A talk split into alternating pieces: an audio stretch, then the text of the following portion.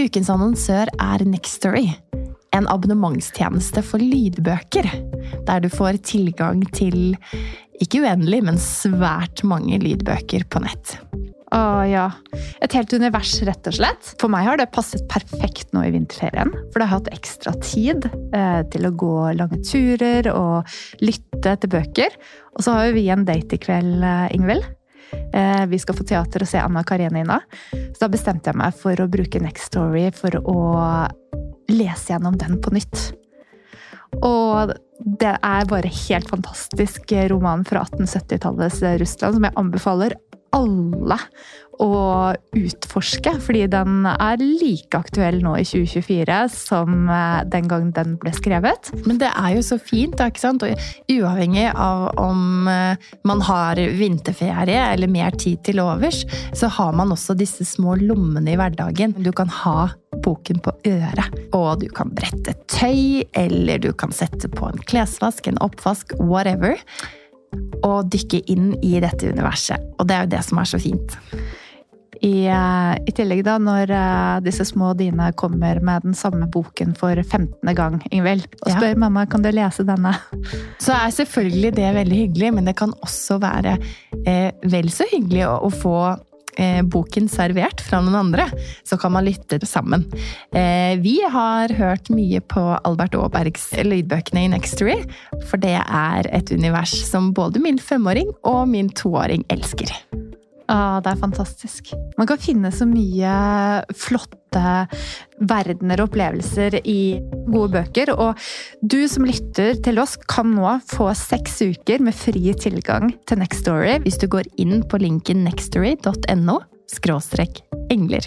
Så gå inn der, bli med oss eh, og utforske bokuniverset. Og så håper jeg at du har like stor glede av det som vi har.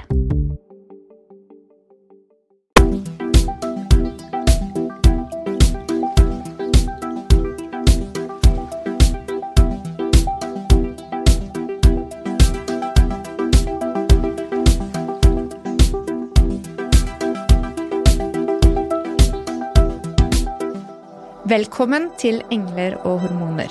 Inspirasjon og ny kunnskap om helse, selvutvikling og livsstil.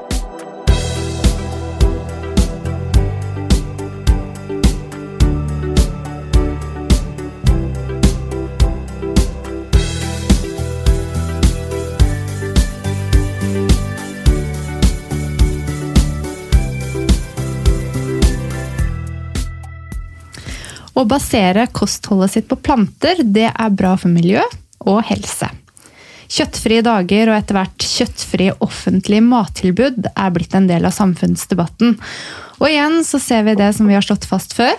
I diskusjoner om mat så blir det sterkt engasjement. For hvem vil vel ta fra ærlige, hardtarbeidende mennesker kjøttkakene deres?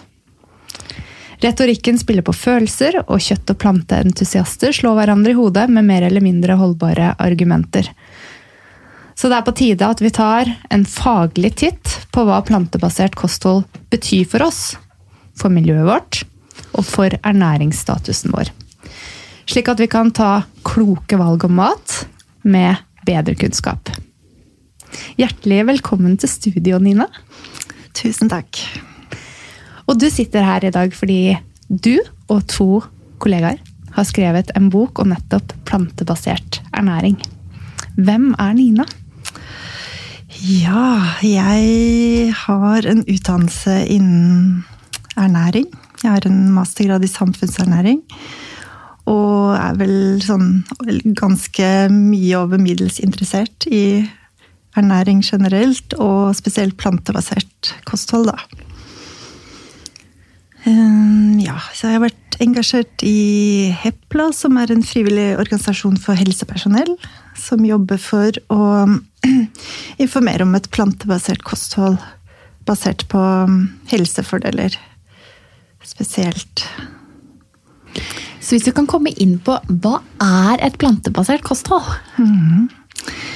Ja, et plantebasert kosthold er um, et kosthold hvor mesteparten av næringsstoffene Eh, Dvs. Si karbohydrater, fett og proteiner, mineraler og vitaminer kommer fra planter. Altså vegetabilske matvarer.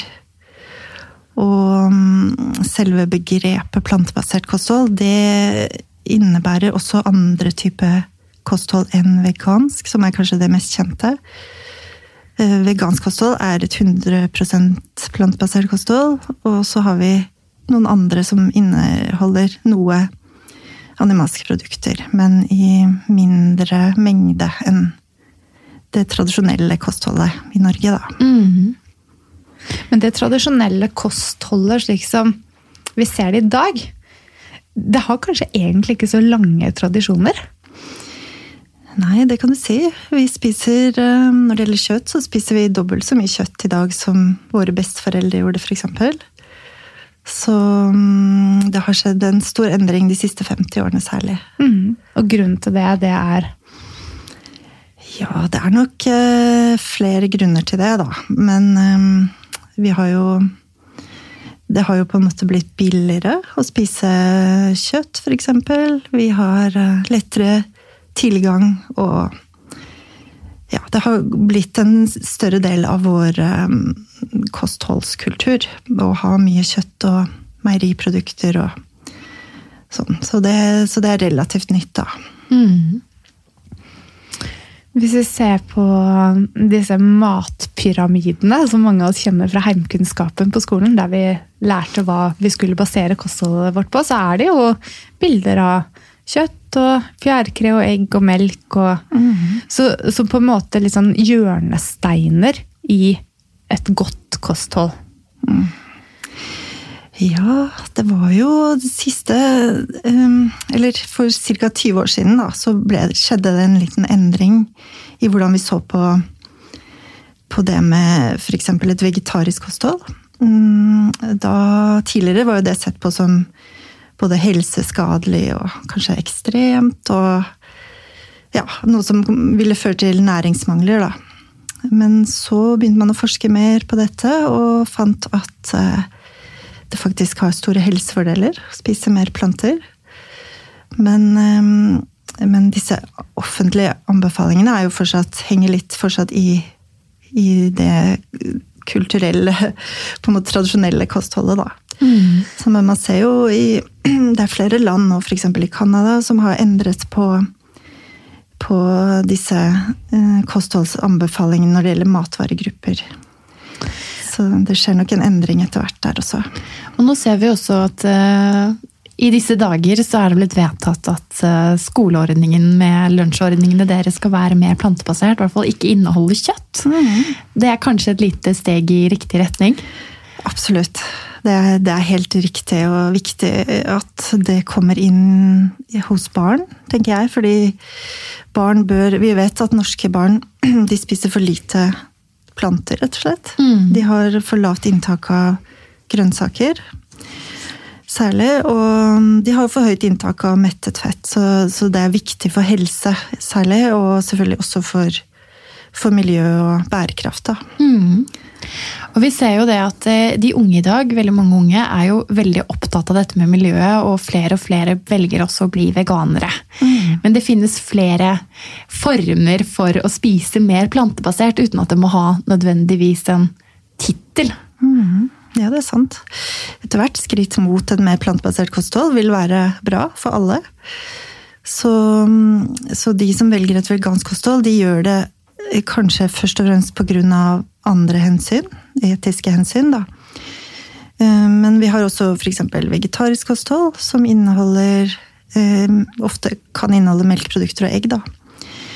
Eh, vi har pesketarianere som spiser fisk, men ikke kjøtt fra landdyr. Altså de spiser kjøtt fra, fra mm, sjødyr, da, bare. Mm.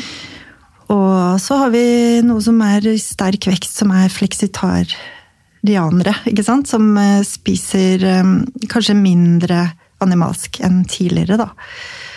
Og som er mer bevisst på å spise mer planter. Og... Så det er jo det er veldig bra at, at, det kommer At det har blitt så populært, da. For det, det vet vi er veldig viktig for, for helsa vår, folkehelsa vår. Mm. Mm. Kan vi komme litt inn på disse helsefordelene? Hva vet vi? Hva er det plantebasert kosthold eh, gjør for oss på individnivå? Mm. Ja, når det gjelder helse, så, det, så har vi gode data i dag på at um, Og mye dokumentasjon, vitenskapelig gode studier, på at um, et plantebasert kosthold er det som, uh, som vi bør bevege oss mot, da. Av helsemessige grunner. Og det finnes mye forskning som viser at vi kan redusere um, risiko for hjerte-karsykdom, diabetes type 2 enkelte typer kreft og overvekt og fedme.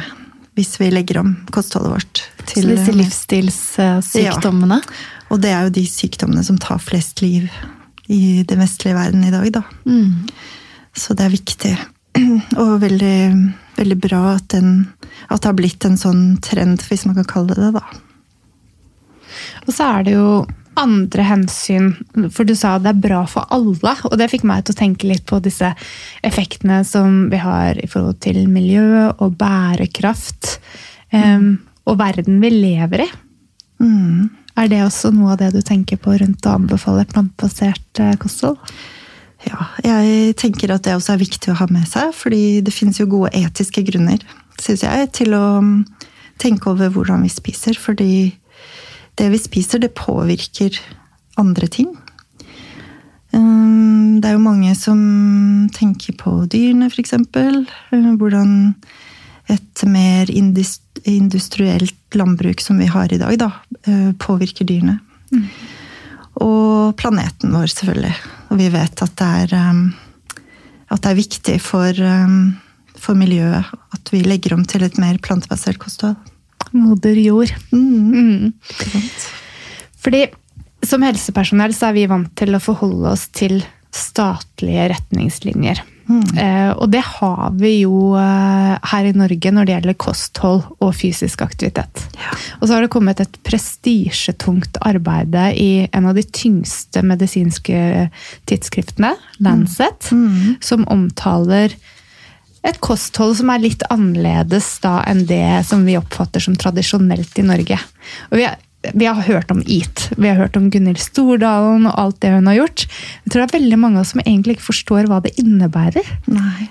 Kan du fortelle oss litt mer om hva dette faktisk tunge forskningen kan mm. gi oss?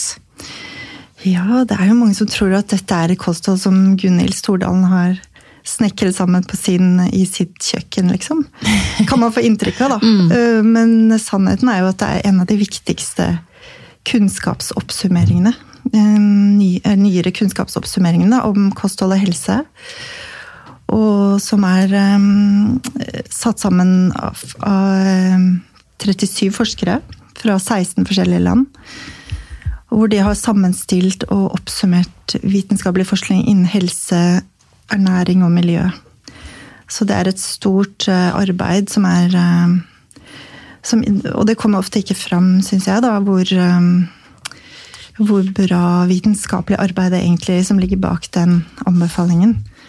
Og det er jo også publisert i The Lancet, som er et veldig anerkjent medisinsk tidsskrift. Ja, det blir nok nesten ikke bedre enn det. Nei, det gjør faktisk ikke det. Nei, men, men essensen i dette er at plantebasert ernæring er å anbefale mm. av veldig mange ulike årsaker. Eh, helsemessig og for miljøet. Absolutt. Ja. ja. Så da må vi lære litt mer om hvordan vi kan eh, spise mer plantebasert. Mm. og det kan du hjelpe oss med, Nina. Du sammen med to kollegaer har skrevet en uh, introduksjonsbok mm. for oss som trenger å lære. Ja, vi har prøvd å gjøre den så lettfattelig som mulig, sånn at flest mulig kan eh, Det er jo egentlig ikke vanskelig å spise plantbasert. Det kan virke litt vanskelig, kanskje. Men, eh, men det er ikke så vanskelig. Og, ja, så det er også en av de tingene vi ønsker å vise med boken vår, da. Vi har eh, tidligere hatt en mentaltrener her oss som har fortalt oss at det å endre vaner er litt vanskelig. Så jeg tenker at hvis du kan motivere oss samtidig nå til å endre noen vaner og gi oss noen praktiske eksempler på, på hvordan vi kan anvende kunnskapen, så er det helt supert.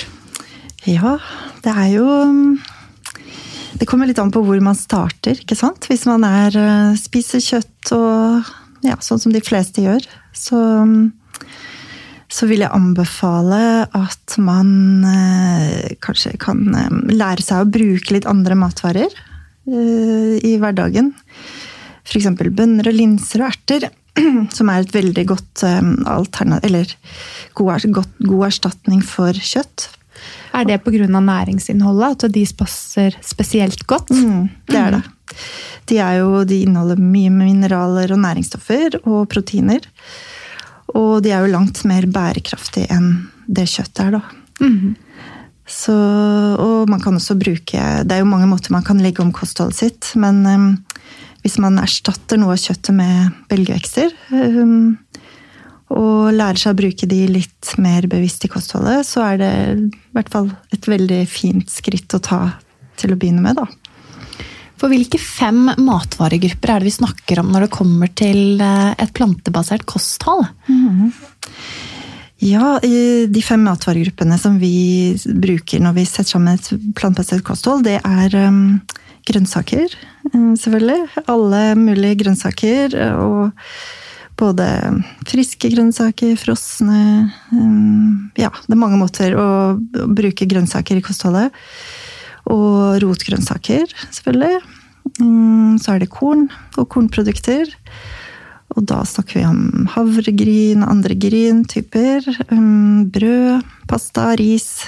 Den type matvarer. Mm. så er det frukt og bær.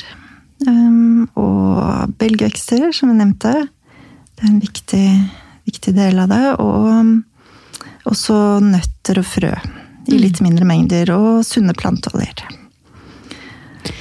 Så da kommer det et oppfølgingsspørsmål som kanskje går inn under disse mytene som det er eh, ganske mange av når det kommer til et plantebasert kosthold. kosthold. Kan man spise plantebasert på norskdyrkede råvarer? Ja, først så vil jeg av, avlive den myten om at vi må spise avokado og chiafrø og spirulina og den type ting for å spise plantebasert. Det, det trenger man absolutt ikke. Og man kan sette sammen kostholdet med planter som er dyrket i Norge. eh, Eller i hvert fall planter som kan dyrkes i Norge, da. Og for å nevne noen, så er det jo f.eks. havre, ert, erter eh, Ja, skal vi se Frukt og bær. Og til og med nøtter kan man dyrke mer av i Norge. Så, og alle mulige kål, selvfølgelig. Eh, Hodekål og rosenkål og ja, masse sunne matvarer som kan dyrkes i Norge. Som, som vil kunne brukes i et plantebasert kosthold. Da. Og her er det jo veldig mye spennende som skjer i landbruk også. For vi ser jo stadig at det popper opp med nye tilbud fra lokale produsenter, som er kjempespennende. Ja, veldig. Ja. Ja. Det er veldig bra å se at, um, at det produseres så mye bra produkter, da. Som gjør det enklere enn noen gang å spise mer plantebasert. Men ut ifra de hovedgruppene som du nevnte, så er det jo det er mye man allerede er vant til å ha i hverdagen. Så tenker jeg man er lært opp da, med denne matpyramiden og tenker at for å få i meg alle næringsstoffene, så trenger jeg alle de essensielle aminosyrene for å få riktig med protein eh, i kroppen bygget. Og så kalsium, da. Hvis vi skal ta bort melk, hvordan blir jo ikke benskjøre hele gjengen? Ja, det er noen sånne Det er klart, når man tar vekk um, kjøtt og melk, så må man erstatte det. Det, det er jo helt riktig. Så, men når det gjelder kjøtt, så er det ganske enkelt å erstatte, fordi vi har nok næringsstoffer i kostholdet vårt, selv om vi tar bort kjøttet. Um, og når det gjelder melkeprodukter, så, så er det riktig at kalsium er viktig. Og melk er jo viktigste, eller største gruppen da, til kalsium i norske kostholdet i dag. Men sånn er det jo ikke. Det er ikke nødvendig. Eller det er ikke Det må ikke være sånn. Det, um, man kan fint sette sammen et kosthold som gir nok kalsium, uten melk. Har du noen eksempler på noen eh, eh, matvarer som vi bør ta med da? Kalsium er jo noe vi trenger ganske mye av. Så vi, man må tenke litt over det. Men, men heldigvis så fins det kalsium i nesten alle planter. Det fins i veldig mange planter. Og mm, eh, planter som man spiser mye av, så eh, eksempelvis øh, grønnsaker. Og ja, brokkoli og bladgrønnsaker, mandler, appelsiner og ja. Også litt andre ting som man kanskje kan begynne å inkludere litt mer bevisst, som tofu og plantemelk. Så til sammen så vil det være ganske enkelt å sette sammen et kosthold som, er, som gir nok kalsium, da. Når du nevner dette med tofu og, og soya, har man jo hørt at dette ødelegger regnskogen eh, i Brasil. Er dette også en av de mytene som man kan ta knekken på? Absolutt. Ja, det kan vi ta knekken på. Fordi det er riktig at um, soyadyrking ikke er bra for regnskogen. Men mesteparten av soyaen som, uh, som importeres, brukes jo til dyrefôr. Så um, mens det som brukes til menneskemat, det er mer um, etisk produsert, da. Og produseres ofte da i Europa og Nord-Amerika. Så, så, så hovedmengden av den soyaen som dyrkes, er da av at vi spiser kjøtt, og ikke at vi spiser soya, for å si det sånn Mm. direkte. Mm. Men er soya egentlig sunt? Fordi det er også noe jeg har hørt at det inneholder østrogen. Mm. Og for menn så vil man kanskje ikke ha for mye østrogen i kroppen heller. Nei, altså det inneholder ikke østrogen. Østrogen er et, um, et hormon som produseres av mennesker. Så, så det gjør det ikke. Men det inneholder noe som heter fytoøstrogen. Som, som er på en måte plantenes østrogen, hvis man kan si det sånn. da. Men eh, det har jo da en annen virkning i kroppen vår enn ekte østrogen. Så, så det er jo en veldig stor myte som henger i veldig, veldig godt, har jeg skjønt.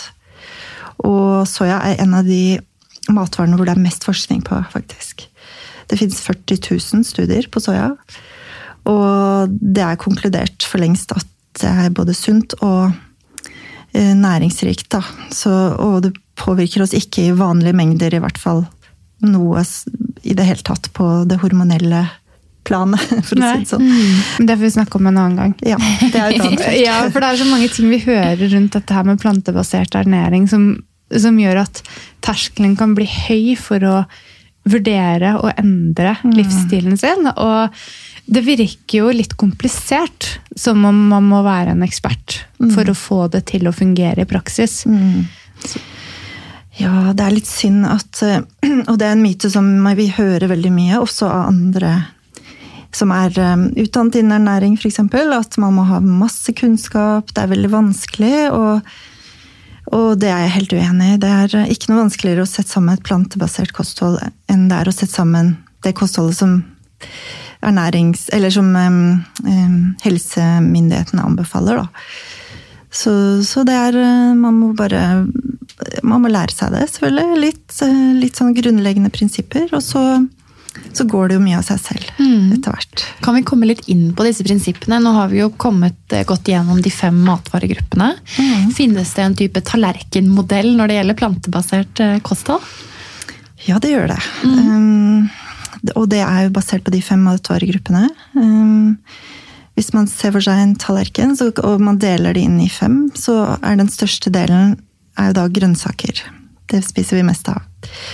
Og så og korn som nummer to. Um, spiser ganske mye korn for å få Korn er en viktig um, matvaregruppe for f.eks. jern og protein. Og andre, mange andre næringsstoffer. Og mm, så har vi frukt og belgvekster. Kan ta en litt mindre plass på tallerkenen. Og den minste lille plassen som er igjen da, det er da for nøtter og frø. Og mm, planteoljer. Ja. Så hvis man ser for seg Men det blir jo litt sånn teoretisk, fordi man spiser jo Vi spiser jo måltider som er basert på de matvarene.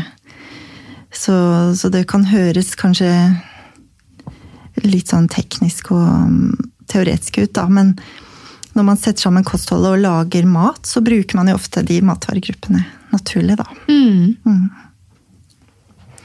Jeg tenker at Det eksempelet du ga tidligere om at vi kan bytte ut kjøtt med belgfrukter Mm. Det er sånn veldig konkret. Og så har vi hørt om chili sin carne nå. Det er nesten blitt en vanlig rett på norske middagsbord. Så, så jeg tenker, har du noen flere sånne tips med ting som vi kan legge til for å gjøre overgangen eh, enkel? Ja, kan du ta, Hvis du f.eks. ønsker å mm, begrense kjøtt, så vil jeg absolutt anbefale belgvekster, som jeg sa tidligere. Og mm, man kan eh, også, i hvert fall i en overgangsfase, bruke kjøtterstatninger.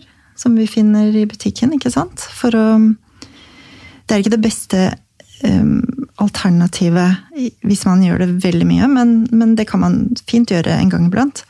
Hvorfor er det ikke så bra å gjøre det mye? Um, Jeg vil ikke si at det ikke er bra, forresten, men, men det er um, det som gjør at plantemat er så sunt, det er jo når man spiser det i hel form, så får man veldig mange gode plantestoffer. Og uh, mye væske og fiber.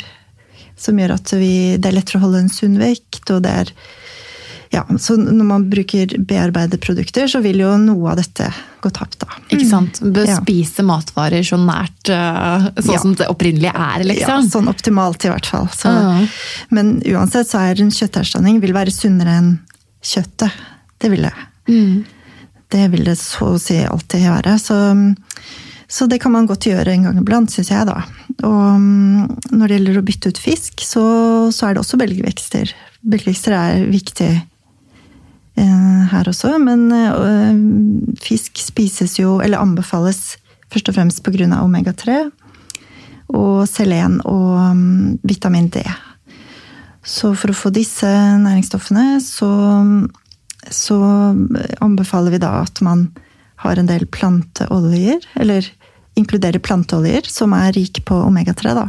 Hva slags planteoljer er det det er snakk om, da? Mm, De som er best eh, balanse mellom omega-3 og 6, det er f.eks. linfrøolje. Og mm, man kan også spise linfrø og nøtter, valnøtter f.eks. er bra. Mm, Og så har vi også muligheten til å ta et tilskudd som er laget av alger, som er som også fisken får sin omega-3 s- fra. Ikke sant? Som vi kan da ta direkte. Som er dyrket på, mm, på land i lukkede systemer, som gjør at det ikke er noe eh, sånne mm, miljøgifter. Så det, det er veldig sunt og et godt alternativ til fisk, da. Plantebasert fra havet, altså. Mm, Mm. Er det en av de nye store trendene som kommer til å komme fremover, tror du? det håper jeg, men det, jeg er ikke helt sikker på det. Men vi ser jo fra f.eks. Japan og litt mer sånn disse eh, landene som eh, spiser mye fisk og sånn. Og de inkluderer også mye alger og tare, tang og tare og sånt. Så, så det hadde jo vi. Vi har jo nesten ubegrenset med tilgang til tang og tare i Norge. Så det syns jeg er noe vi absolutt burde bruke mer av, da. Men det trengs nå litt mer forskning først for å vite nøyaktig hva næringsstoffer Hvordan vi skal spise det, da. Og, så, men, men jeg tror og håper at det kommer i framtiden. Mer av det. Ja, så blir jo ikke det plantebasert, men jeg har sett de eh, lete etter andre proteinkilder blant eh, mer sånn krypdyr, eller eh, hva heter det? Insekter. Insekter? Ja. Ikke sant? ja. Det er veldig spennende. Jeg har ikke, jeg har ikke den Jeg tenker at jeg Eller egentlig syns jeg ikke det er nødvendig å spise insekter. Så, men hvis man ønsker det, så er det jo vel antagelig mer bærekraftig. Uten at jeg har gått så veldig inn i det. Men eh, ja. Men du sa tidligere, Nina, så sa du at ehm, det meste er bedre enn å kjø spise kjøtt. Mm. Er kjøtt veldig usunt?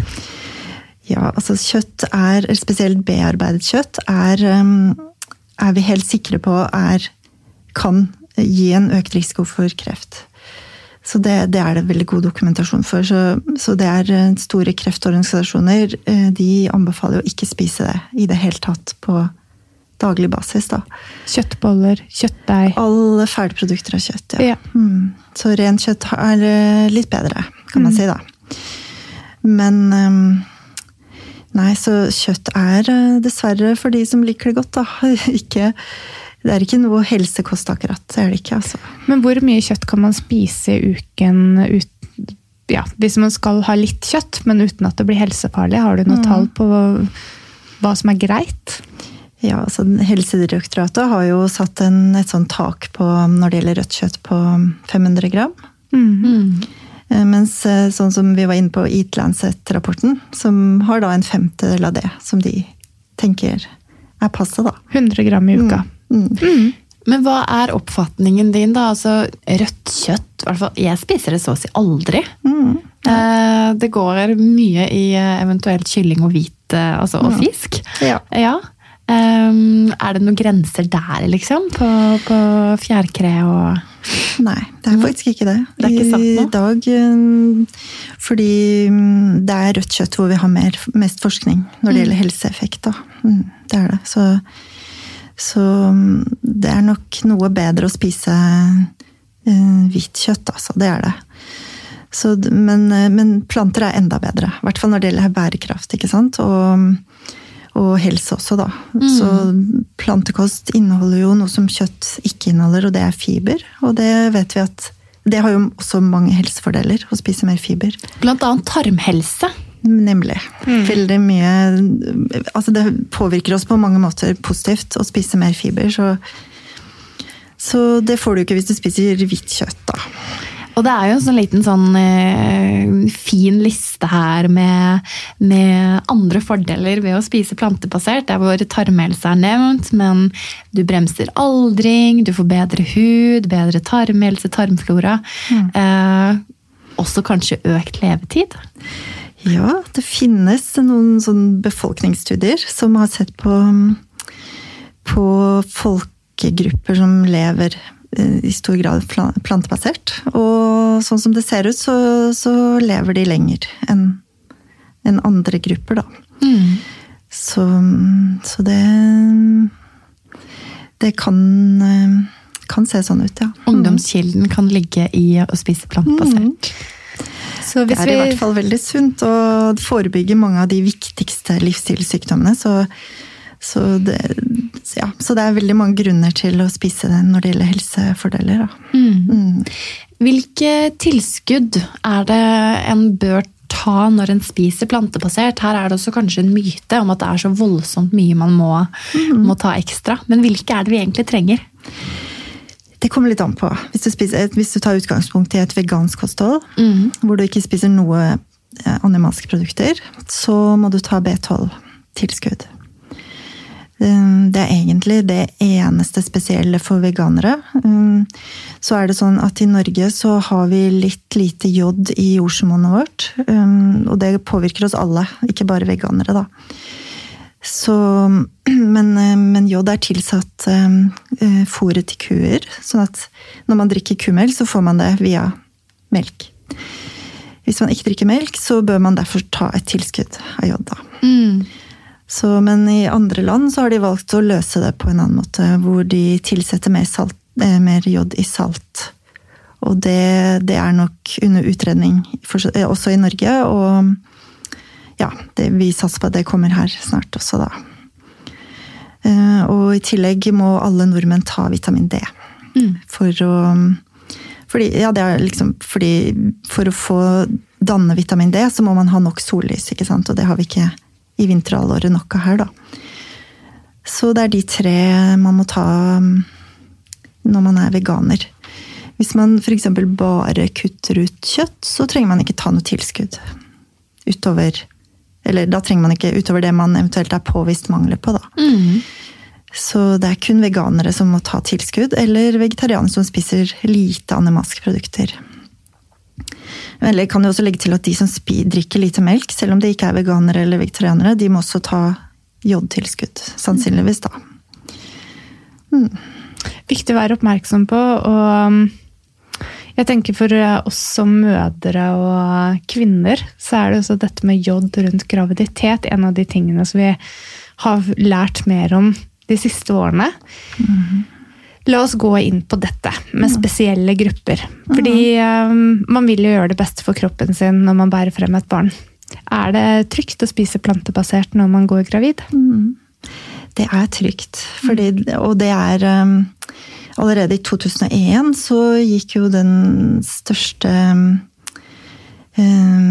foreningen for ernæringsfysiologer i verden, som er den amerikanske forening for ernæringsfysiologer, da, som um, de gikk ut og gikk god for det. At man kan spise plantbasert i alle livets faser, som det heter. Og også gravide og ammende, små barn og ja, barn generelt. Og det, det går jo også Helsedirektoratet god for at man kan gjøre. Men man må selvfølgelig sette sammen kosten litt mer bevisst når man har ansvar for et barn. Eh, ja, er, det mm.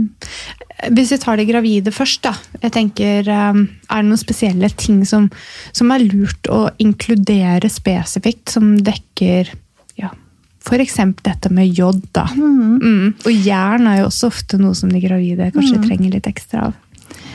Uh, tar du utgangspunkt i en veganer, eller, en, uh, eller alle, eller hva tenker du?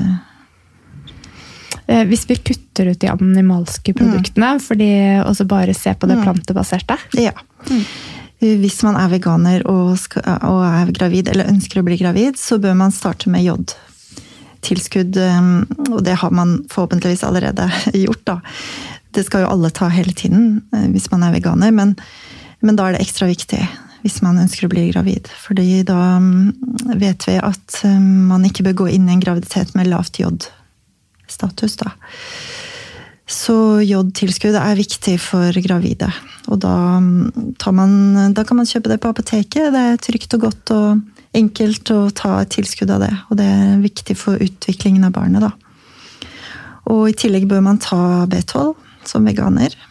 Det bør man alltid gjøre, og det er selvfølgelig veldig viktig også under graviditet. Um, og man bør ta D-vitamin, spesielt på vinterhalvåret. Og i tillegg bør man ta omega-3 fettsyrer i form av sånne langkjedede fettsyrer som er såkalte marine fettsyrer, da. Mm. Som eh, anbefales eh, Eller som man får via fisk hvis man spiser fisk, men som eh, Hvis man ikke spiser fisk, så må man ta det algetilskuddet som jeg nevnte tidligere. Mm. Er det spesielt eget produkt? Mm.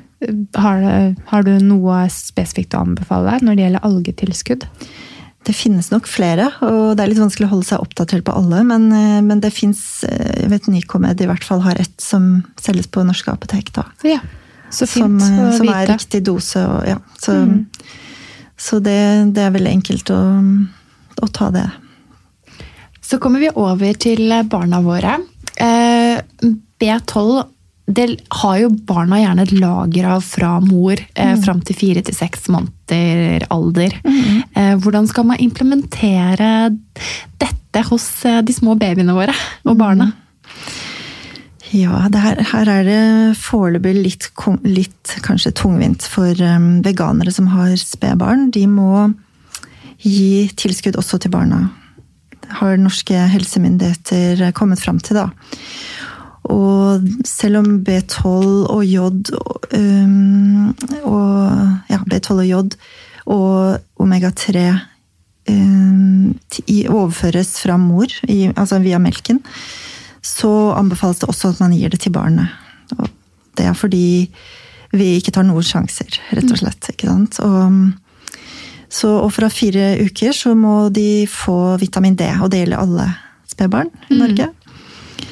Så, og da, da fins det forskjellige tilskudd man kan gi, som vi både på Hepla, eh, helsepersonell for plantebasert kosthold.no, og vi i boken også har en veldig sånn tabeller for hvordan man kan gjøre det. Da, og mm. nøyaktig mengde osv.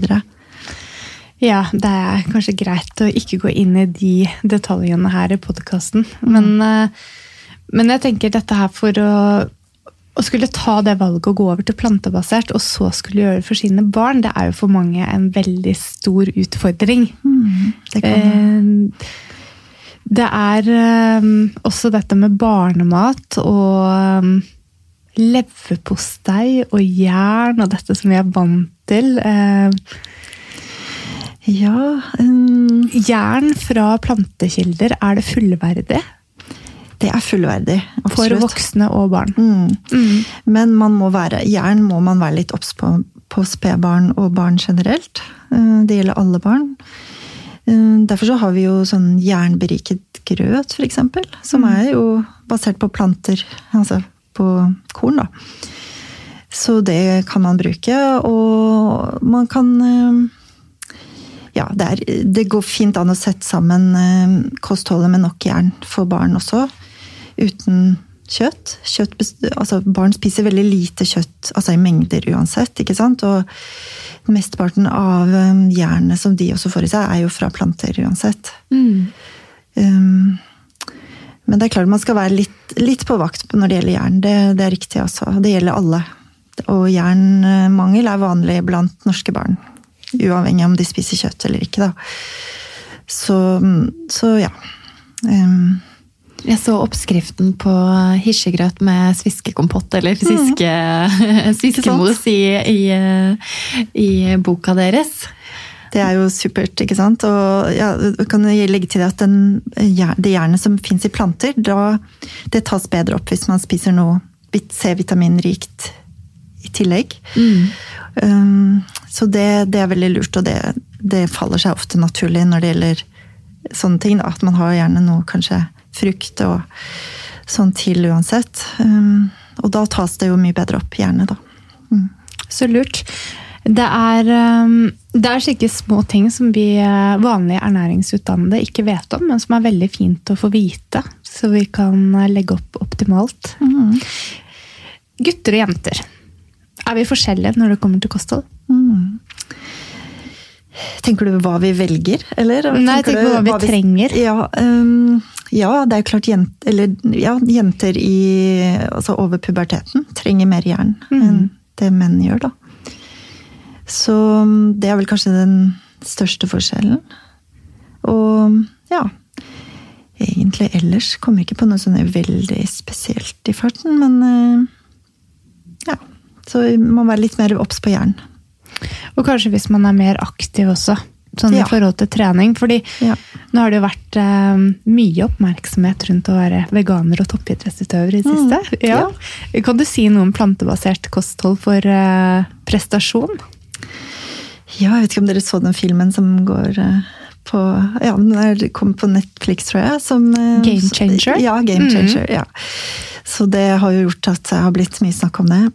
Og det og det er jo riktig som de sier i filmen, at det går veldig fint, og det kan være fordeler ved det også. Å spise plantebasert. Og, men man må jo spise Ofte spiser man jo flere kalorier også, hvis man er toppidrettsutøver, da. Så, så det ville gå litt naturlig, men eh, Så vi anbefaler jo da selvfølgelig at man har eh, belgvekster og de samme gruppene. Men eh, kanskje noe mer protein. Det kommer litt an på hva slags, hva slags idrett man holder på med også. Um, og hvis man løper mye eller den type, så må man være obs på jern igjen. Så, så, men det går fint, fint å sette sammen et godt kosthold for de som driver med idrett. Også på toppnivå, da. Det er litt spennende, fordi nå innledningsvis eh, snakket om dette med å endre samfunnsernæringen vår gjennom eh, mattilbudet til eldre og eh, barn i skolen. Mm. Det er kanskje den siste gruppen vi kan snakke litt om. Eldre. Ja. Det er en stor gruppe. Ja, det er jo det. Det blir jo stadig større, så vidt jeg har forstått. Det er klart, de, de har noen utfordringer, eh, men det, det er jo en veldig stor gruppe, så det er vanskelig å generalisere der. Men eh, de trenger blant annet litt mer D-vitamin, så det må de være obs på. Og ja, litt mer protein også kan være lurt å tenke på for den gruppen, da.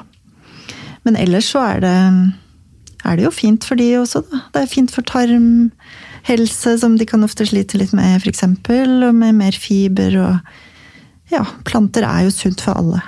Så, så det, det er ingen Alder har ingen eh, Altså man trenger ikke å begrense seg når det gjelder å kutte ut de animalske produktene fordi man er over en viss alder, f.eks.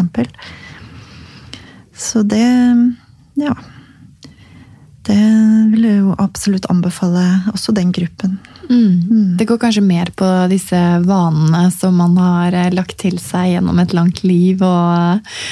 Men på den andre siden, kanskje våre beste bestemødre og bestefedre um, har vært vant til å spise kjøtt mindre, sånn som du sa. At ikke, ikke like ofte. Ja. Vi tror jo at de vil ha det samme som vi Det er jo den gruppen som spiser minst kjøtt også. Mm. Det vet vi jo. Og så vi må på en måte ikke tenke at de ønsker det samme mengden kjøtt som det vi andre ønsker oss. da. Og de er nok vant til å spise mye mindre. Eh, selv om de kanskje også har lagt til seg det kostholdet som er vanlig i Vesten nå for tiden. da. Så det er kanskje vi selv som legger, eh, legger de føringene på de eldre, mm. liksom? At, det kan hende. Ja, ja de kan... må ha kjøttkakene sine, eller de må ha ja. den pølsegratengen som de får eh, servert på eldrehjemmene det er nok noe med kunnskap også blant de som serverer maten. ikke sant? Og kanskje ja, man, man, kan jo gjøre den veldig smakfull, og det kan jo være kjedelig. altså Det kan jo være mange, mange måte ting der man kunne sett på. da. Mm. Ja, Man kan få kjedelig fiskepudding også. Man kan det. Ja. sant? ja. Men nå nærmer vi oss jo um en ny høytid, da. Vi har det gjerne sånn her i Norge at vi har eh, enkelte tradisjoner rundt uh, påskelam og juleribbe og pinnekjøtt. og Mye av det som vi forbinder med høytider, har jo også et kjøttmåltid ved seg. Mm, det er sant. Det er veldig, veldig ja. mye kjøtt i jul. julen. Ja, det er sant. Og veldig mye prosessert kjøtt også. Mm, absolutt. Det er mye pølser og ja. Mm. Så der der tenker jeg det er en kjempeutfordring hvis man tar valget om å gå plantebasert. Fordi eh, hva skal man da gjøre? Mm. Og så skal juleribba gå? Først kan jeg si at hvis man spiser ellers plantebasert, så kan man selvfølgelig, av helsemessige grunner i hvert fall, velge å spise ribbe da, i jul. Det er jo ikke på en måte den høytiden som avgjør om du blir syk eller ikke, f.eks., eller helsa di. Eh, men hvis du ønsker å spise plantbasert, så vil jeg jo si at det fins masse gode alternativer til ribbe og pinnekjøtt og ja, masse spennende. Og mm, hjemme hos oss for eksempel, spiser vi mye noe som heter nøttestek. Mm -hmm. Som er kjempegodt, og man kan bruke det samme tilbehøret og ja. ja. Og det fins jo masse godt, altså. Jeg kommer ikke på i farten. Det fins jo noe som heter vegistekaker, ikke sant. Som erstatter medisterkaker. Og det fins nesten noe for alle de vanlige tingene man spiser, da. Mm. Bare i plantebasert variant. Hvorfor er det sånn at eh, det er veggisburger og det er vegisterkaker? Og mm. hvorfor må vi på en måte sette de ordene foran det som ja. forbinder med kjøtt? Det er mange som sier det, og det syns jeg er litt rart fordi, at folk lurer på det. fordi det er jo av praktiske grunner at de har den formen de har, og funksjonen på en måte er jo ut, altså En pølse er jo, har jo en funksjon i den fasongen den har, på en måte. Ja. Så det er vel egentlig av praktiske grunner, vil jeg si. Og så ja. er det jo også litt lettere, da, hvis man er i et selskap og spiser plantebasert, at man har mat som ligner litt på ja. de andres mat. ikke sant? At det ikke er noe helt annet. Kanskje spesielt for barn. Og, mm. Så her i Oslo så har vi jo mange ulike tilbud på eh, vegetar- og grønt plantebasert fronten. Men det er jo ikke alle steder man kan ja, kjøpe produkter som passer til en uh, variert hverdag. Mm. Hvor kan vi få inspirasjon for å lære mer? Mm. Ja, det er jo da vil jeg anbefale å bruke nettet. Og det fins jo mange gode eh, nettsider som gir masse inspirasjon for hvordan man kan lage mat. Eh, Kanskje du kan dele noen av de med oss, så kan mm. vi dele i sosiale medier denne ja. uken her. Mm. Jeg anbefaler jo eh, f.eks. vegetarbloggen mm -hmm. med Mari Hult. Hun Som er en av medforfatterne på boken ja, deres? Det er det. Ja, det er det. ja. Og det er fordi hun er jo veldig flink, og ja, hun er en eh, Ja, hun lager veldig god mat, da. Og, så der er det masse inspirasjon å få. Og det er noe som heter um, ja, eller Veganermannen kan jeg anbefale. Og ja, Vegetarmisjonen. Veganmisjonen. ja, det fins mange Jeg kommer ikke på sånn i farten, men um, Så det fins jo masse sånn inspirasjon hvis man vil lage mat fra bunnen. Det gjør det. Og så har du en bok å anbefale. Da anbefaler jeg Mari Hult sine bøker. Og selvfølgelig vår bok. Ja. Plantebasert kosthold. Vi, der er det Mari som har laget oppskriftene. Um, Og så er det du som er forfatter, sammen med eh, Tanja Kalsjenko. Hun Ja. er eh, lege. Um, jobber som overlege på Ullevål sykehus. Og er vel en av de som kan mest om plantebasert kosthold i Norge, vil jeg si. Mm. Så ja, så vi har skrevet boken sammen, ja. Mm. Det er en god faglig tyngde bak denne boken her, og det har vært eh, ordentlig fint å ha deg eh, i studio, Nina. Tusen takk for at du tok turen hit og ville dele mer om plantebasert kosthold. Vi alle kan være mer bevisste på hvordan vi legger opp eh, måltidene våre. Både for vår egen helse, men ikke minst også for miljøet. miljøet. Med dette så tror jeg vi skal gi Ingvild to måneder med barselpermisjon. Tusen takk! Og så kan vi alle nyte en nøttestek, om ikke akkurat på julaften, syns jeg i hvert fall vi skal prøve å teste ut å lage nøttestek eh, som et måltid i, inn i, eh, mot vinter- og juletiden. Mm. Og så eh, skal vi fòre dere med noen gode inspirasjonsoppskrifter og mer faktakunnskap fra denne boken eh, om plantebasert kosthold, og ikke minst gi dere en liten runddans i vårt arkiv i løpet av 2019. Mm. Så ønsker vi deg hjertelig velkommen tilbake til oss i 2020 januar. Ha et godt nyttår og god jul.